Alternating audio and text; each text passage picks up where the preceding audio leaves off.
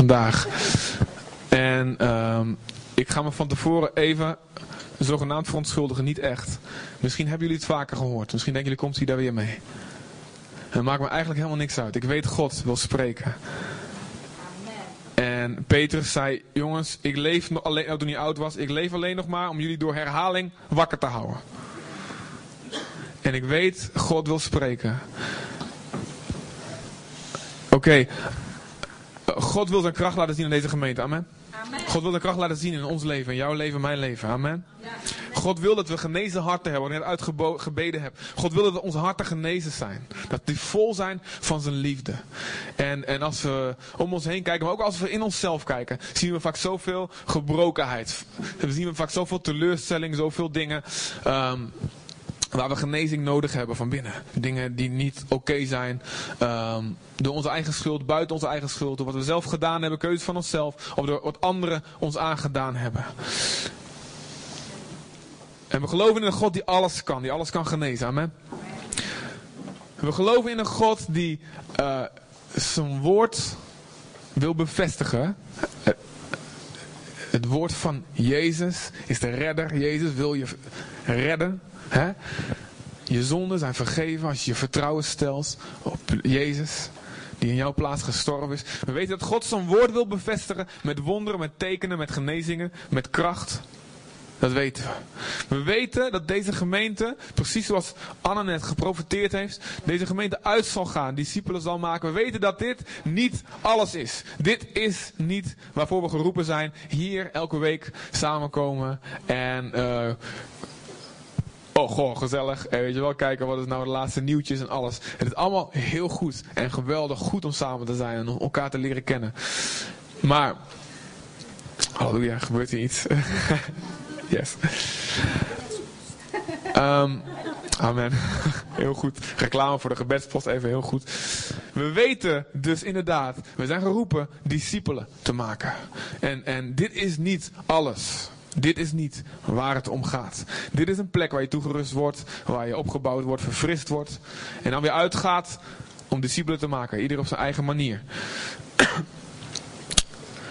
God wil zijn kracht laten zien. Het is exact wat, eh, wat Anna zei, daar wil ik echt bij, helemaal bij aansluiten. Um, dit is wat ik op mijn hart kreeg. Ik wil mijn kracht laten zien. Ik wil mijn liefde volledige doorbraak geven. Maar er moet echt iets gebeuren in onze hart eerst. Echt waar. Er moet nog een diepe, diepe bekering plaatsvinden in ons leven. En dan denk ik van, ja, maar ik heb me toch al bekeerd. Ik heb me toch mijn leven aan Jezus gegeven. Ik heb zo vaak geknield bij het kruis. Of ik heb me gebeden. En dit is oprecht geweest. En dat geloof ik ook. Dat geloof ik ook, absoluut.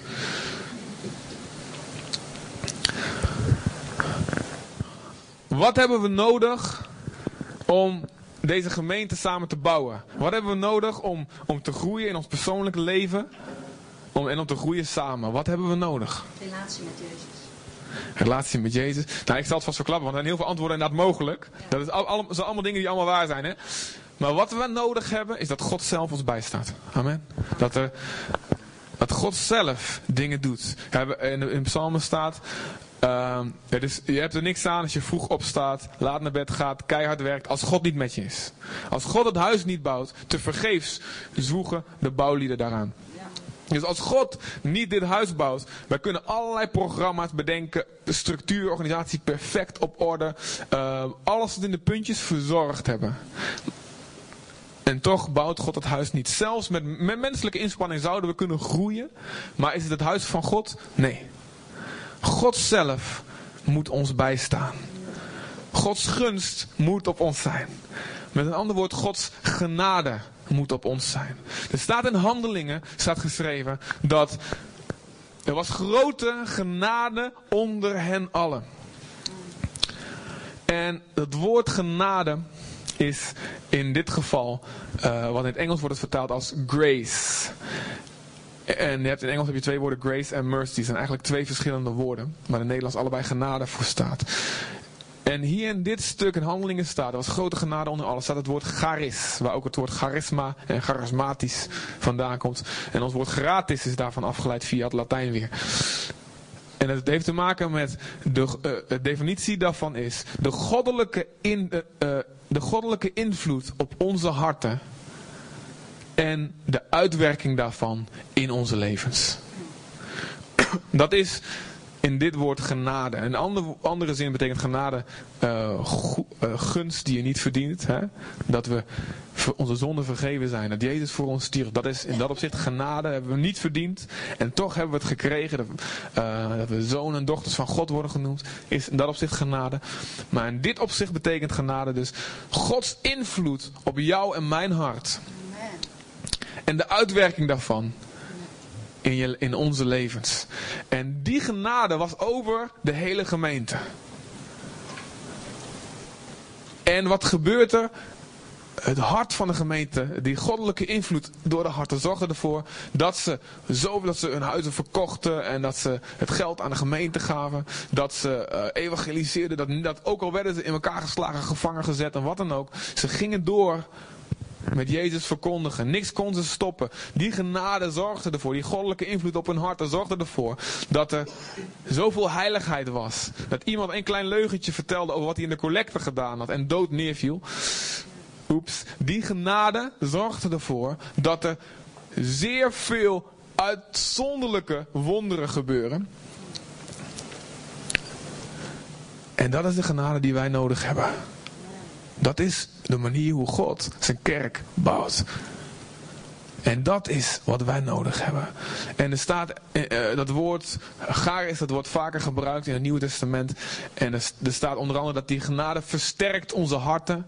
Uh, we kunnen groeien in die genade. Die genade, nee, elke keer als Paulus zegt, genade zij u en vrede van God de Vader. Hè, dat staat heel vaak in het begin of aan het einde van zijn brieven. Dan wordt dit woord gebruikt. Dit, de genade van God, Gods invloed op onze harten, hebben we nodig.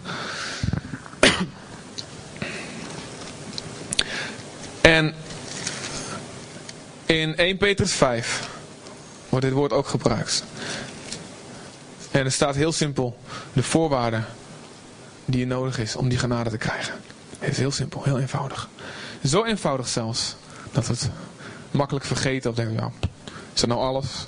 Moet ik niet veel meer ingewikkelde theorieën of cursussen volgen of wat dan ook? Ik zeg, onderwijs is goed, cursussen zijn goed. Ik zeg gisteren zelf ook weer geweest. Maar het is eigenlijk heel eenvoudig. 1 Petrus 5.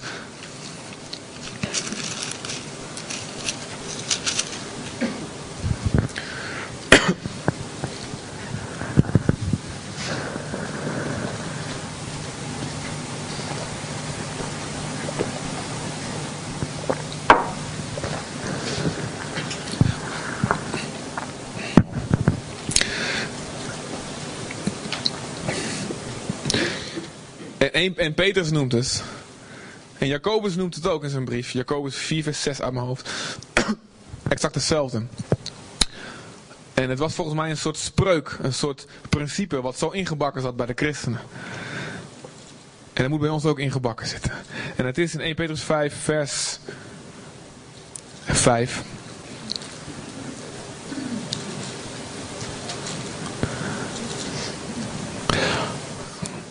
En uh, hij heeft het over uh, de oudste leiderschap van de gemeente, Petrus. Hoe de kudde van God, niet als uh, dictators, maar als voorbeelden van de kudde. En dan staat er um, in vers 5, evenzo jullie jongeren onderwerp je aan de oudste. En dan wordt er tegen iedereen gezegd, de hele gemeente. Omgord u allen, jegens elkaar, met nederigheid. Want God weerstaat de hoogmoedige. Maar de nederige geeft hij genade. God weerstaat de hoogmoedige, de nederige geeft hij genade. En het woord genade is hier charis. Dus de, aan wie nederig van hart is, die krijgt die goddelijke invloed op zijn hart, op zijn leven. En die uitwerkt in alle facetten van het leven van die persoon. En als gemeente in zijn geheel. God weerstaat de hoogmoedige, de nederige geeft hij genade. De eerste manier om nederig en een belangrijke manier om nederig te zijn, Die is het moment dat je Jezus ontmoet. Het moment dat je het evangelie hoort. Misschien duurt het even voor het binnendringt. Je moet het tien keer horen op verschillende manieren, verschillende mensen. Maar op een gegeven moment komt er dat moment dat je nederig wordt. Dat je zegt, inderdaad, ik zelf kan uit mezelf niet in de hemel komen. Hoe goed ik ook ben, hoe goed ik ook mijn best doe. Ik haal het niet. En ik moet mijn knieën buigen voor het kruis. En zeggen, Jezus, ik heb u nodig. Ik heb nodig dat u voor mij sterft. Niet alleen voor die en die slechterik en die, voor mij. Dat is bij mij gebeurd. November 96 heeft mijn hart veranderd. En daar begint nederigheid. Dit, wauw, ik heb zoveel verkeerd gedaan. Ik ben zo ver van God. En hij vergeeft mij. Dat brengt liefde in je hart. Dat brengt een, een, een dankbaarheid aan God die je alles laat doen. Nou, dat is het natuurlijk al een, een heel belangrijke, goede stap. En veel mensen zijn daar niet, en dan heb ik het over in de wereld, maar ook in de kerk. Ik heb heel lang in de kerk gezeten met een hart van, ik heb eigenlijk geen vergeving nodig, want ik ben best goed bezig. Dat die die het nodig heeft, snap ik heel goed. Kijk maar naar hoe die eruit ziet. Hè? En kijk eens, ik zie er goed. Ik ben vriendelijk en... Dat heb ik 18 jaar, ja, ik, ik, was toen klein was, dacht ik nog niet zo goed. Maar tot mijn 18 heb ik dat gedacht voor mezelf. Ik heb het niet nodig. Totdat God mijn hart brak met wie ik werkelijk was van binnen. Dat God mij de spiegel voorhield. Nou, en op dat moment, toen God me in elkaar sloeg, was ik nederig genoeg om zijn genade te kunnen ontvangen. En iedereen die echt opnieuw geboren is, Jezus kent, die kent dat moment op een of andere manier. Die weet, ja, dit is ook met mij gebeurd. Misschien heel anders. Misschien in veel meer kleine stapjes, wat dan ook. Mij zaten ook stapjes bij. Maar het is gebeurd. Ik heb geknield bij het kruis en ik heb genade van God gekregen.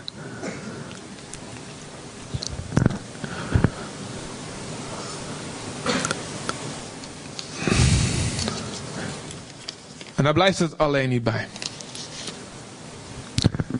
Ga even met mij naar Matthäus 18.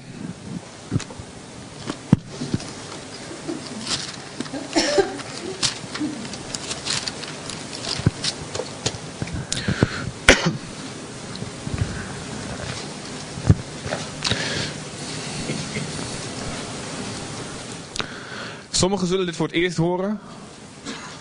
En worden door wat hier staat. Anderen zullen dit, hebben dit misschien heel vaak gelezen of gehoord of een preek over gehoord. Maar dat, dat, dat, dat, interesseert me eigenlijk nu even niet. Ik wil echt dat je de, de, de grootsheid van dit stuk gaat beseffen. En dat je beseft dat het Jezus is die hier spreekt. Jezus, waarvan we geloven dat de woorden die hij spreekt, die hij gesproken heeft en die ons bekend zijn, dat die uiteindelijk de maatstaf zullen zijn aan de hand van waarvan iedereen geoordeeld zal worden voor de troon van God. En uh, er zullen geen nieuwe spelregels of zo bekend worden van, oh dat wist ik niet. We, hebben het we weten allemaal, dit is uh, wat, wie God is. God heeft laten zien wie die is. En hij wil ons zijn genade geven. God is voor ons, niet tegen ons. Hij houdt van je en hij wil niet dat je struikelt. Daarom vertelt hij, dit is hoe ik denk, dit is hoe ik ben. Zodat wij er rekening mee kunnen houden. Dus luister naar dit. Matthäus 18 vers 21. Toen kwam Petrus bij Jezus en zei, Heren, hoeveel keer zal mijn broer, broeder tegen mij zondigen en moet ik hem vergeven? Tot zeven maal toe? En dan dacht hij dat hij al goed bezig was, hè? zeven keer. Jezus zei tot hem, ik zeg u niet tot zeven maal toe, maar tot... 70 maal toe. 70 maal zeven maal. Nou, niet je telraam meenemen en zo. Die zit op 439 vandaag, je moet echt uitkijken. Oneindig. En dan gaat Jezus verder.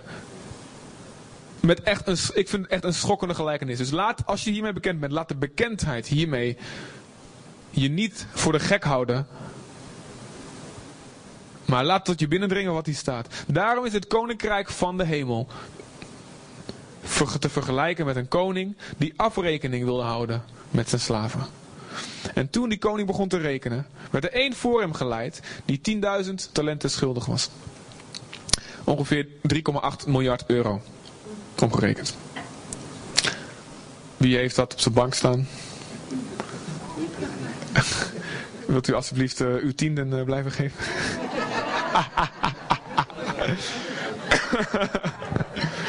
Dan hebben wij namelijk geen probleem meer. Omdat hij niet bij machten was te betalen. Ja, de. Ik vraag me af, waar heeft hij al dat geld in opgemaakt? Weet je wel, waar had hij dat voor nodig? Dit is natuurlijk een gelijkenis. Um, omdat hij niet bij machten was te betalen, beval zijn heer hem te verkopen met zijn vrouw en kinderen en al wat hij bezat, opdat, opdat er betaald kan worden. Ik leg het meteen even uit, terwijl ik bezig ben. Dit ben jij. En ik ook eventjes, maar voor de impact van, zeg ik nu even jij. Dit ben jij. En niet je buurman, dit ben jij.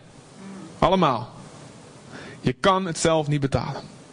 Je kan je schuld die je tegenover God hebt niet zelf betalen. 3,8 miljard. Bill Gates, Oprah Winfrey, misschien. Goed.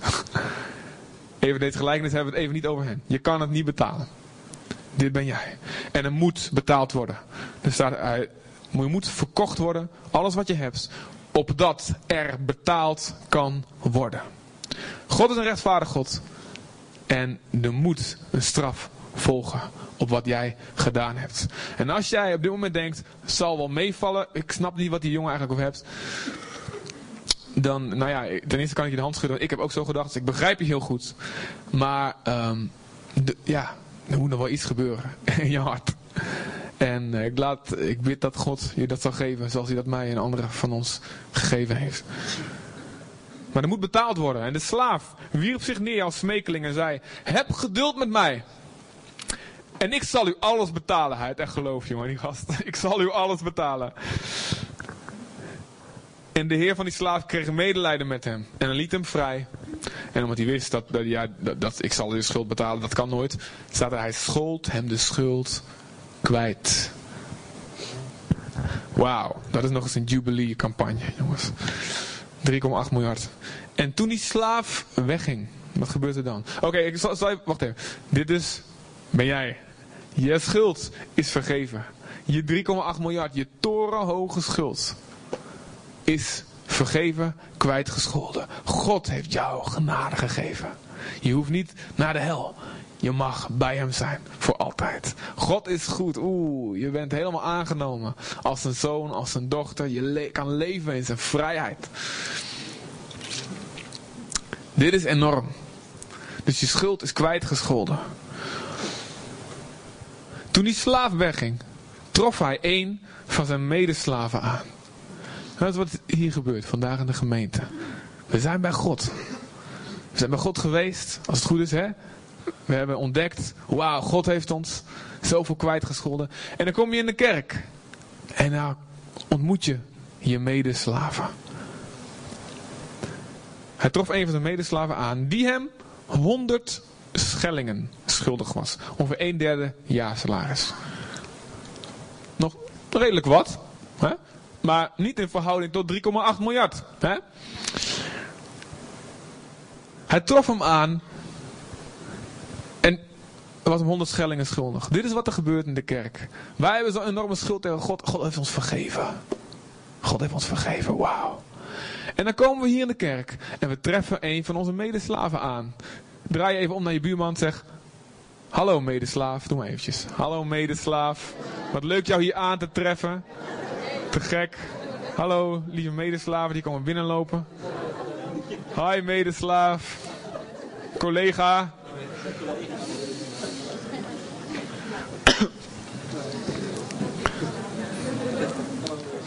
Wat gebeurt er? Het gebeurt regelmatig dat je collega slaaf jou 100 schellingen schuldig is. Doordat hij op je tenen trapt. Onbewust.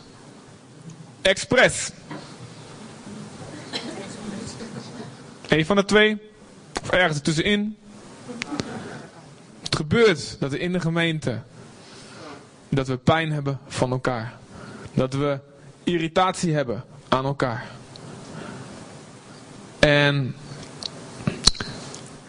hoe meer je met je gezichten eh, in een cirkel als het ware naar binnen staat gericht met de gezichten naar elkaar toe. Hoe meer je naar elkaar kijkt en op elkaar begint te letten, hoe irritanter dat wordt. Daarom is het altijd goed om als gemeente naar buiten gericht te zijn, op de wereld. Om te kijken hoe kunnen we discipelen maken. Dan irriteer je al veel minder aan de mensen om je heen. Goed, even een zijpaadje. Maar het gebeurt dat we elkaar schuldig zijn. Ik heb vast mensen pijn gedaan. Wij hebben vast mensen pijn gedaan door dingen die we deden. Vooral ook door dingen die we niet deden. Waar we dingen verwacht werden. En jij ook. Je hebt ook mensen pijn gedaan. Of je nou wil of niet. We doen elkaar pijn. Bewust of onbewust. En er is dan een schuld bij die anderen. Wat gebeurt er met deze slaaf? Wat doet hij? Hij kwam hem tegen, trof hem aan, hondschilling schuldig was. En hij greep hem bij de keel.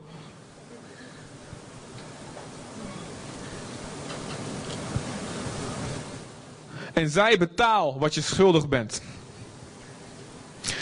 Draai even om naar je buurman en... Nee. Doe maar even niet. Grijp elkaar liefdevol even naar de keel. Om even...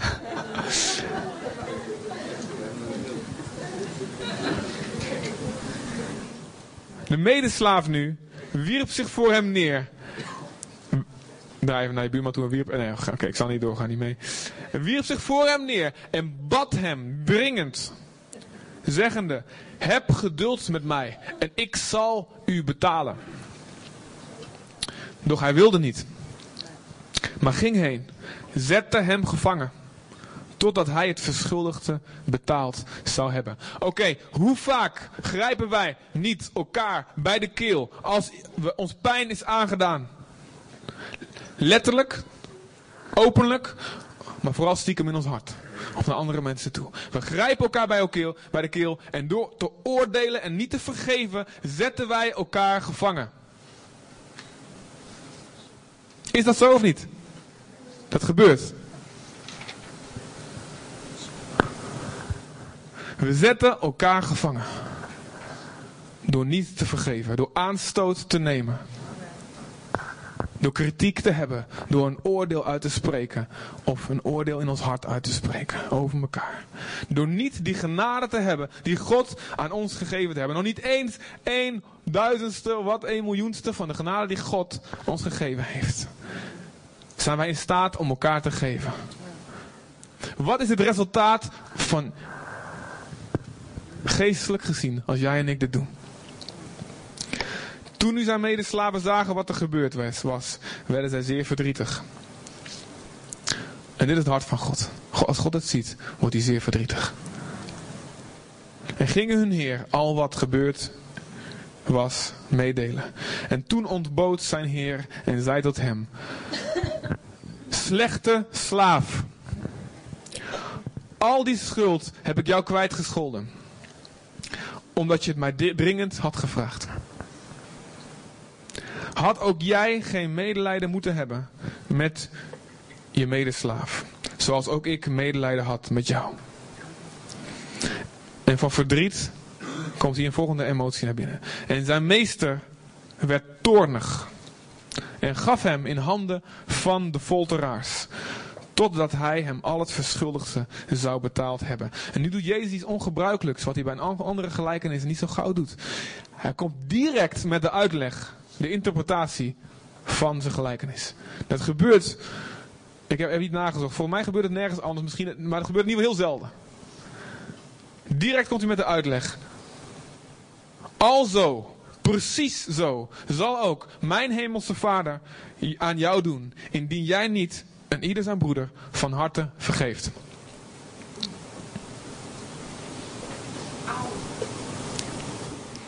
Ja, als je geen amen kan zeggen, zeg maar au. Ja. Amen.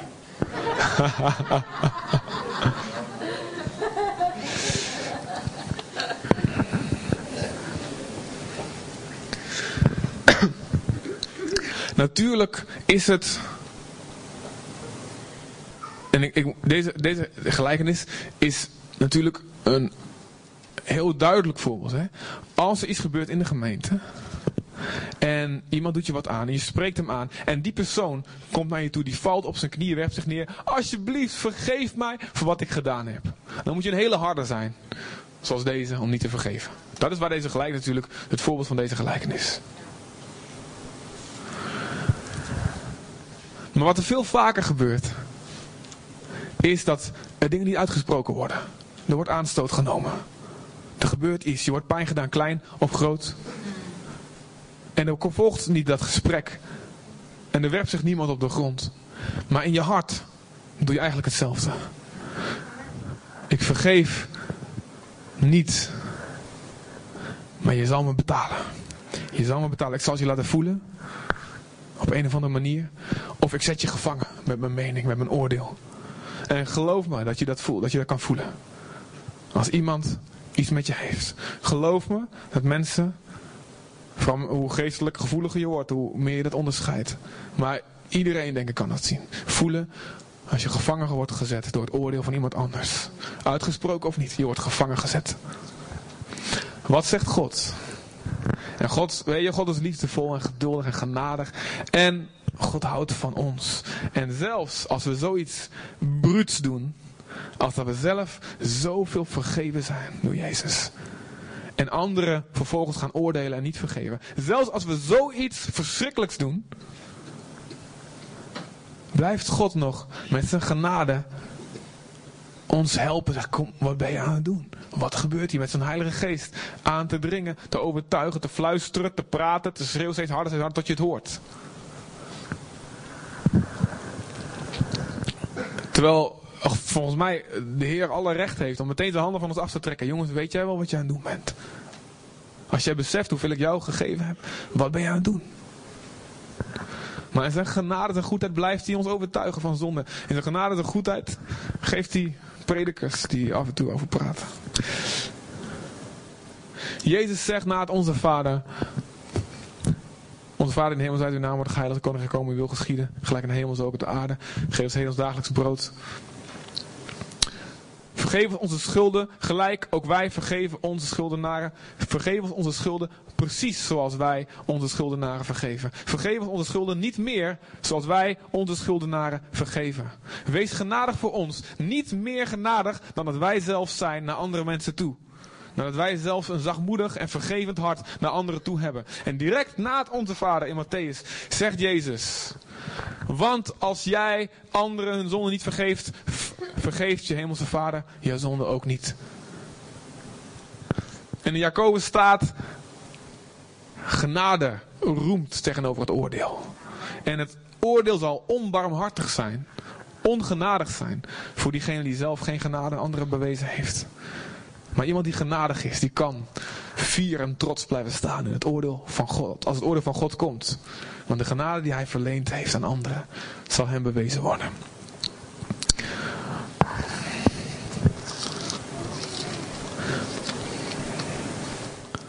Romeinen 2.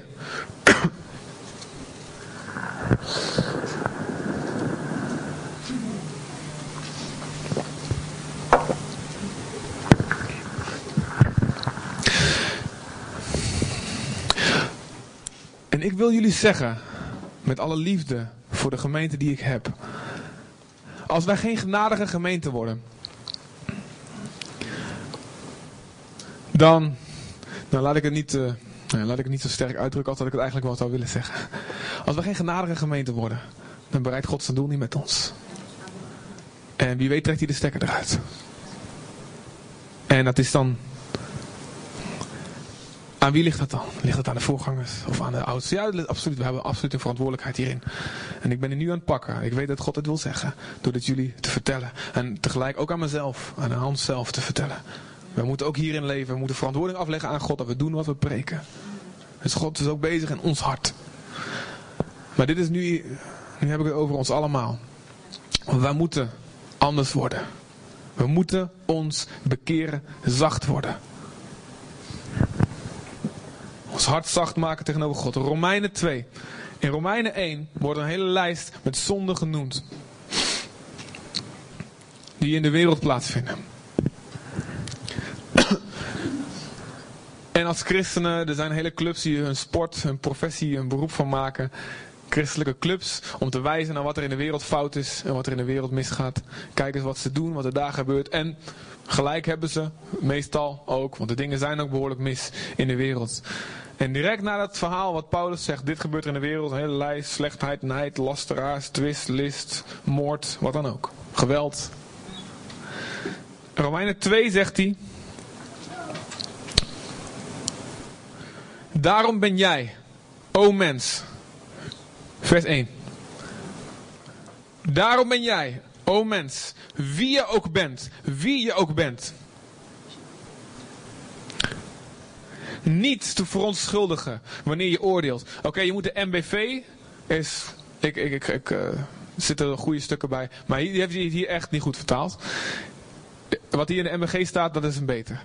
Jij, o mens, je bent niet te verontschuldigen. Je hebt geen verdediging meer. Je hebt geen rechtvaardiging meer. Je hebt geen excuus, geen smoesje meer als je anderen oordeelt.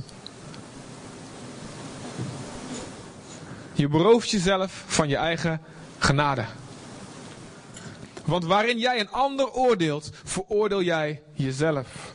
Want jij die oordeelt, bedrijft dezelfde dingen. Wij weten echter dat het oordeel van God onpartijdig, rechtvaardig, gaat over hen die zulke dingen bedrijven. Maar reken jij wellicht hierop, o mens, dat jij zelf het oordeel van God ontgaan zal. Of veracht jij de rijkdom van zijn goede tierenheid, zijn genade? Veracht jij de rijkdom van zijn verdraagzaamheid en van zijn geduld, zijn langmoedigheid? En besef jij niet dat de goedheid van God tot boetvaardigheid leidt? De goedheid, de genade van God moet ons leiden tot boetvaardigheid. Dat we zoveel zijn kwijtgescholden. Dat we zo'n zacht hart krijgen, zo'n dankbaar, liefdevol hart. Dat we naar anderen diezelfde genade zullen gaan bewijzen. Maar in je weerbarstigheid en onboedvaardigheid van hart, hoop je je toorn op tegen de dag van de toorn en van de openbaring van het rechtvaardig oordeel van God, die in ieder vergelden zal naar zijn werken. Oké, um, mag ik een heel sterk iemand hebben? Wie is er echt sterk? Echt een sterk. Ja, ik zelf even niet. Ik kan niet meedoen. Wie, wie, uh, wie is er echt... Ik wil gewoon een... Uh, een sterke man hebben. Een man. Het moet even een man zijn. Kom maar even, even naar voren. Sander, ben jij sterk? Nee? Wie is sterk? nee, een man. Er moet echt een man hebben, anders vind ik zielig. Sterk iemand. Kom even.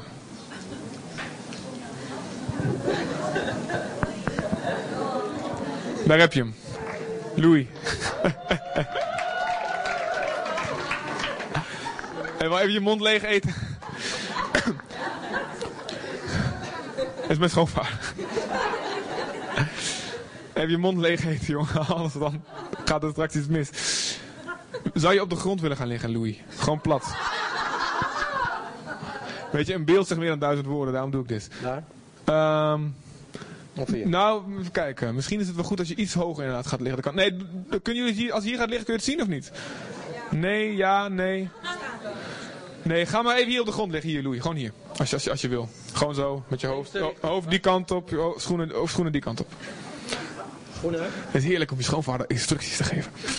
Schoenen die kant, hoofd die kant op. Oké. Oké, ik wil... Um...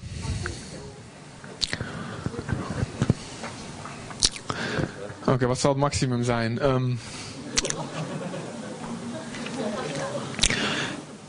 Vijf mannen, kom even, vijf mannen. Vijf mannen. Gewoon, maakt niet uit.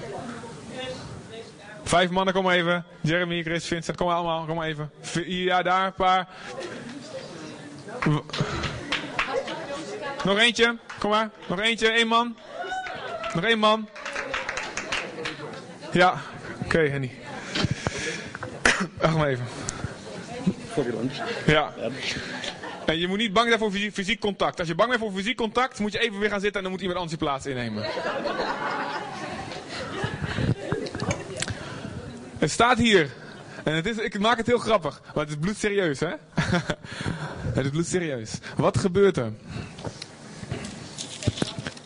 Wat gebeurt er als je anderen oordeelt? Geestelijk gezien. Niet in slaap vallen, Louis. Wat gebeurt er als je anderen oordeelt? Wat gebeurt er als je liefdeloze kritiek hebt? Als je kwaad spreekt? Als je mensen niet vergeeft? Als je aanstoot neemt? Als je niet de genade aan anderen geeft die je zelf zou willen hebben. Of die je zelf gekregen hebt. Wat gebeurt er? Er staat hier, je hoopt je toorn op. Tegen de dag van het oordeel van God. En, ik, en je mag lachen, absoluut. Ik ga ook heel hard lachen. Wat er gaat gebeuren zo. Louis minder, denk ik. Maar je mag lachen als je maar weet wat dit wil zeggen. Oké? Wil Louis, spreek even gewoon een willekeurig oordeel uit. Van iemand heeft wel wat aangedaan. En spreek even uit van Um, ja, hoe zou je iemand een veroordelende uitspraak of zo? Nou, het is echt gebeurd twee dagen geleden. Ik ben, uh, in Europa ben ik uh, belachelijk gemaakt over mijn werkzaamheden. Dus spreek, spreek even een oordeel uit van die vergeef ik nooit. Of die... Um... Ja, er komt in ieder geval een een of ander oordeel. We weten wat er gebeurt. Zou de eerste persoon op Louis willen springen? Mag over dwars of schuin. Springen of, of liggen, gewoon liggen, maar gewoon liggen. Over dwars, ja, kom maar.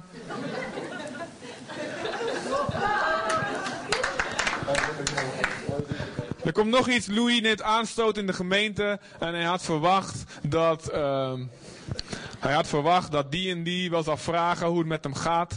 Maar uh, ja, goh, en hij wordt, uh, hij wordt vergeten. En hij begint een beetje ja, te, van te balen. En hij begint bitter te worden van binnen.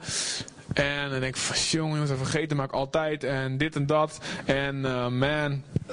En hij hielp me toen al ook niet. En hij zet iemand gevangen met zijn oordeel. Wil de tweede persoon op bij gaan liggen, alsjeblieft. Op. Wil je best maar hoor, kan wel wat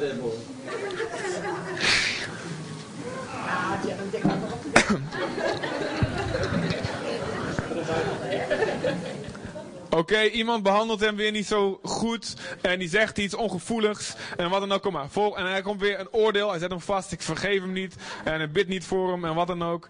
Geen vergeving, geen genade. Het, het...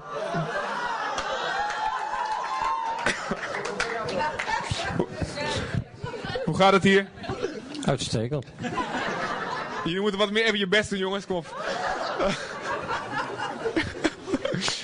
Oké, okay, volgend oordeel komt eraan. het volgende oordeel komt eraan. Um, die doet ook altijd hetzelfde en die leert het nooit en wat dan ook. Ik weet niet, ik heb even geen voorbeelden meer. Volgende.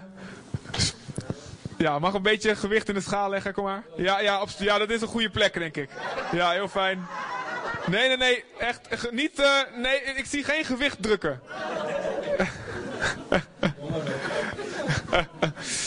Oké, okay, in het definitieve oordeel. Mag ik staan? Ja, natuurlijk. Ja, natuurlijk. Bij jou bedankt.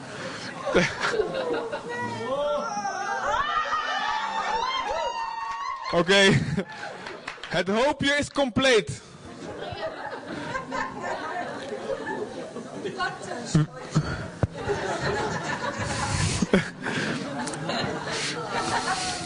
Lieve schoonvader. Vertel me, hoe, hoe, hoe zou je dit nou aan de mensen kunnen beschrijven als een, als een goede waarschuwing? Als een goede les, zeg maar, van als je niet wil dat dit gebeurt.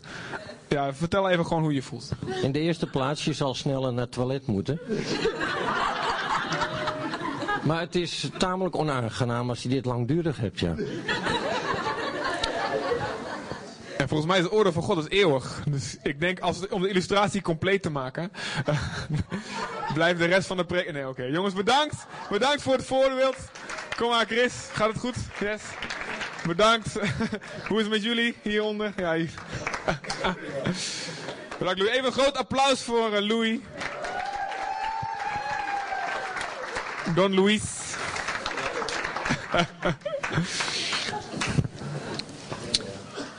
Je hoopt je toorn op tegen de dag van het oordeel van God. En ik zeg je, het is geen pretje en er is geen lieve voorganger die dan genadig is en zegt: Oké, stop maar.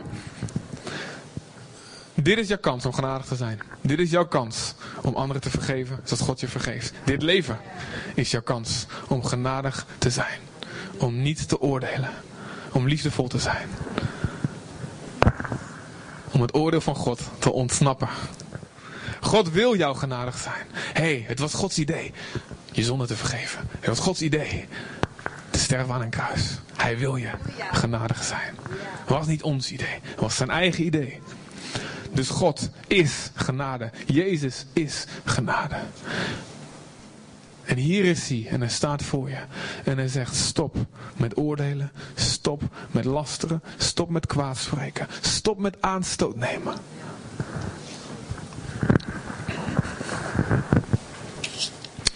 Als je dat niet doet, veracht je Gods genade. Je minacht de genade van God. Die, die slaaf minachtte de 3,8 miljard die hem kwijtgescholden was. Toen hij zijn medeslaaf niet vergaf. Toen hij aanstoot nam. En weet je, het is heel moeilijk. Zeker als er veel gebeurd is op het gebied van afwijzing in je leven. Dan is het heel moeilijk. Je raakt gevoelig voor afwijzing. Je bent, je bent snel van, oh, die mag me niet of die moet me niet. Ook door een gebrek aan eigenwaarde, op gemaskeerd op wat voor manier dan ook, ben je erg gevoelig. Voor als mensen je afwijzen, heb je bepaalde verwachtingen, misschien wel van de gemeente, of van bepaalde mensen. Je hebt dus die verwachting en het komt niet uit. Misschien een verwachting van je leider, van je voorganger. Van je oudste, van je wat voor teamleider, of gewoon, gewoon van je broer en zus. En het komt niet uit en je neemt aanstoot. En het kan groeien in je hart. En het vormt tot het wordt uiteindelijk tot een oordeel. En je snijdt jezelf af van de genade van God.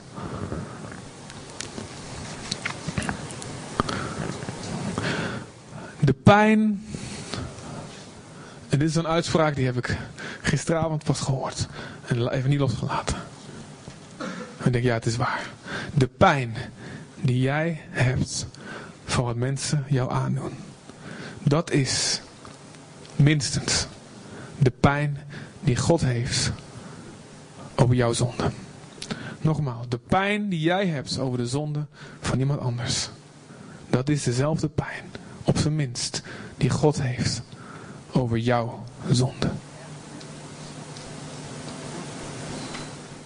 De irritatie die jij hebt over de fout, over het gebrek van iemand anders, is minstens de irritatie, de ergernis die God heeft over jouw fouten.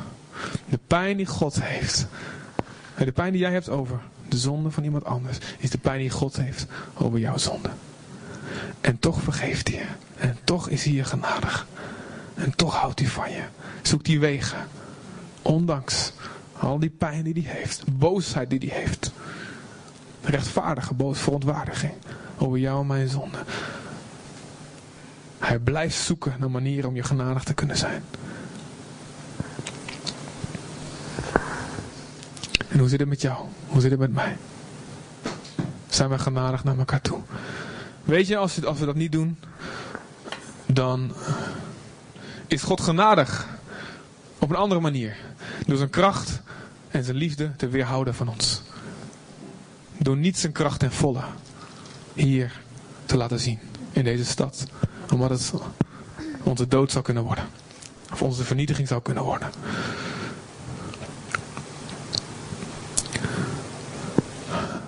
Maar als we dit wel doen, Jezaja 58, ik heb het regelmatig genoemd.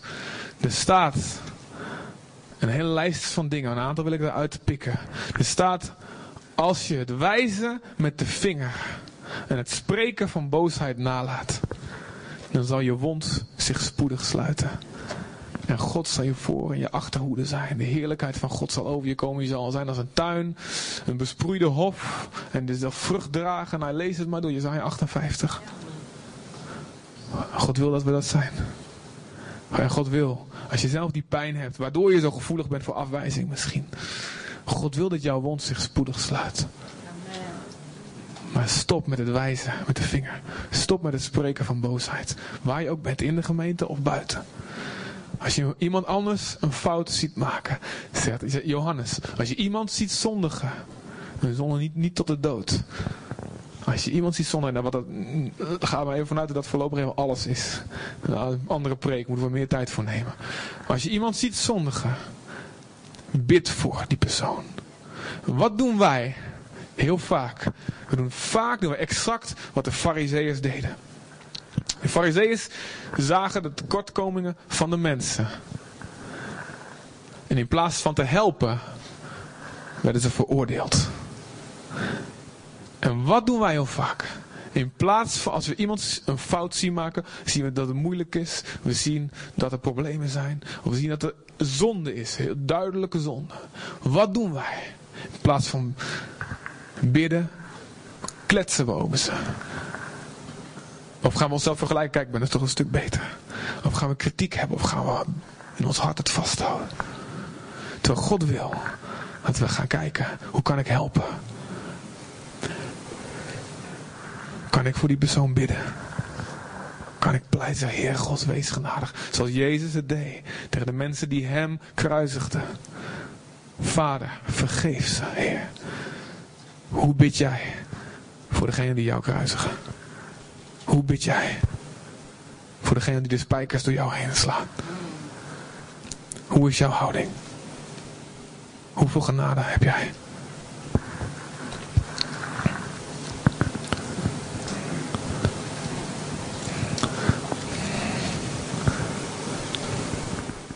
En het is ook een les voor onszelf. Voor mijzelf is het ook een les. De Heer spreekt me ook hier voortdurend op aan. En elke dag wil ik mijn hart hierop checken. Maar ik wil ook gewoon vanuit mijn hart spreken met jullie. En ik weet dat er onderling dingen veel, dat, dat, dat, dat het gewoon regelmatig gebeurt. Ik wil niet zeggen dat het allemaal een zootjes en slecht gaat. Heel veel dingen gaan ontzettend goed. Maar ik hoor ook veel verhalen van mensen die dingen met elkaar hebben. En die ze niet oplossen. Ik hoor verhalen van mensen die zich irriteren aan elkaar. Of mensen die zich irriteren aan de gemeente. Of misschien wel aan mij. Of aan andere mensen die dingen doen, die taken hebben, dingen die fout gaan. Misschien wel echt serieuze fouten, wat dan ook.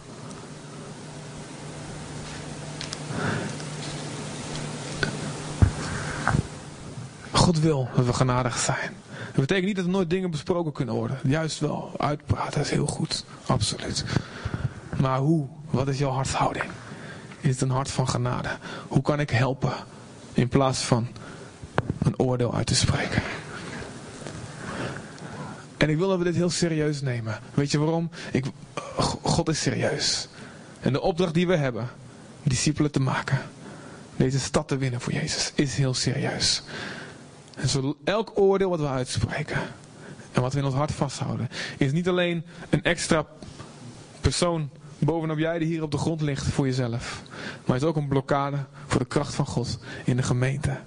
En voor het bereiken van het doel van God, waar, God, waar hij zo naar uitziet, is dat er heel veel mensen ook die genade mogen vinden. Amen. Wat is jouw hartsbesluit? Wat besluit je in je hart? Zullen jullie, willen jullie gaan staan? Uh, zou er muziek kunnen komen?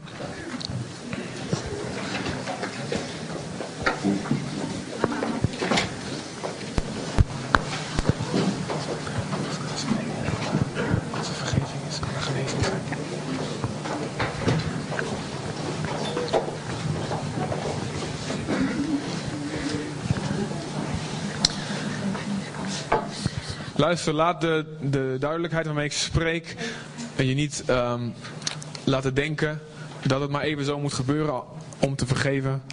Als er dingen zijn aangedaan die echt heel diep gaan, die heel moeilijk zijn. Ik weet dat er mensen zijn die dingen meegemaakt hebben waarvan ik me geen voorstelling kan maken. Ik kan me proberen in te leven, maar dat, dat zal heel moeilijk zijn. Ik weet dat die mensen zijn, ik weet dat die dingen gebeurd zijn. Dus ik wil daar ook heel duidelijk in zijn en zeggen van hé, hey, maar uh, het, het, ik snap dat het moeilijk is. Ik snap dat het gevoel soms heel moeilijk is en, en moeilijk meegaat.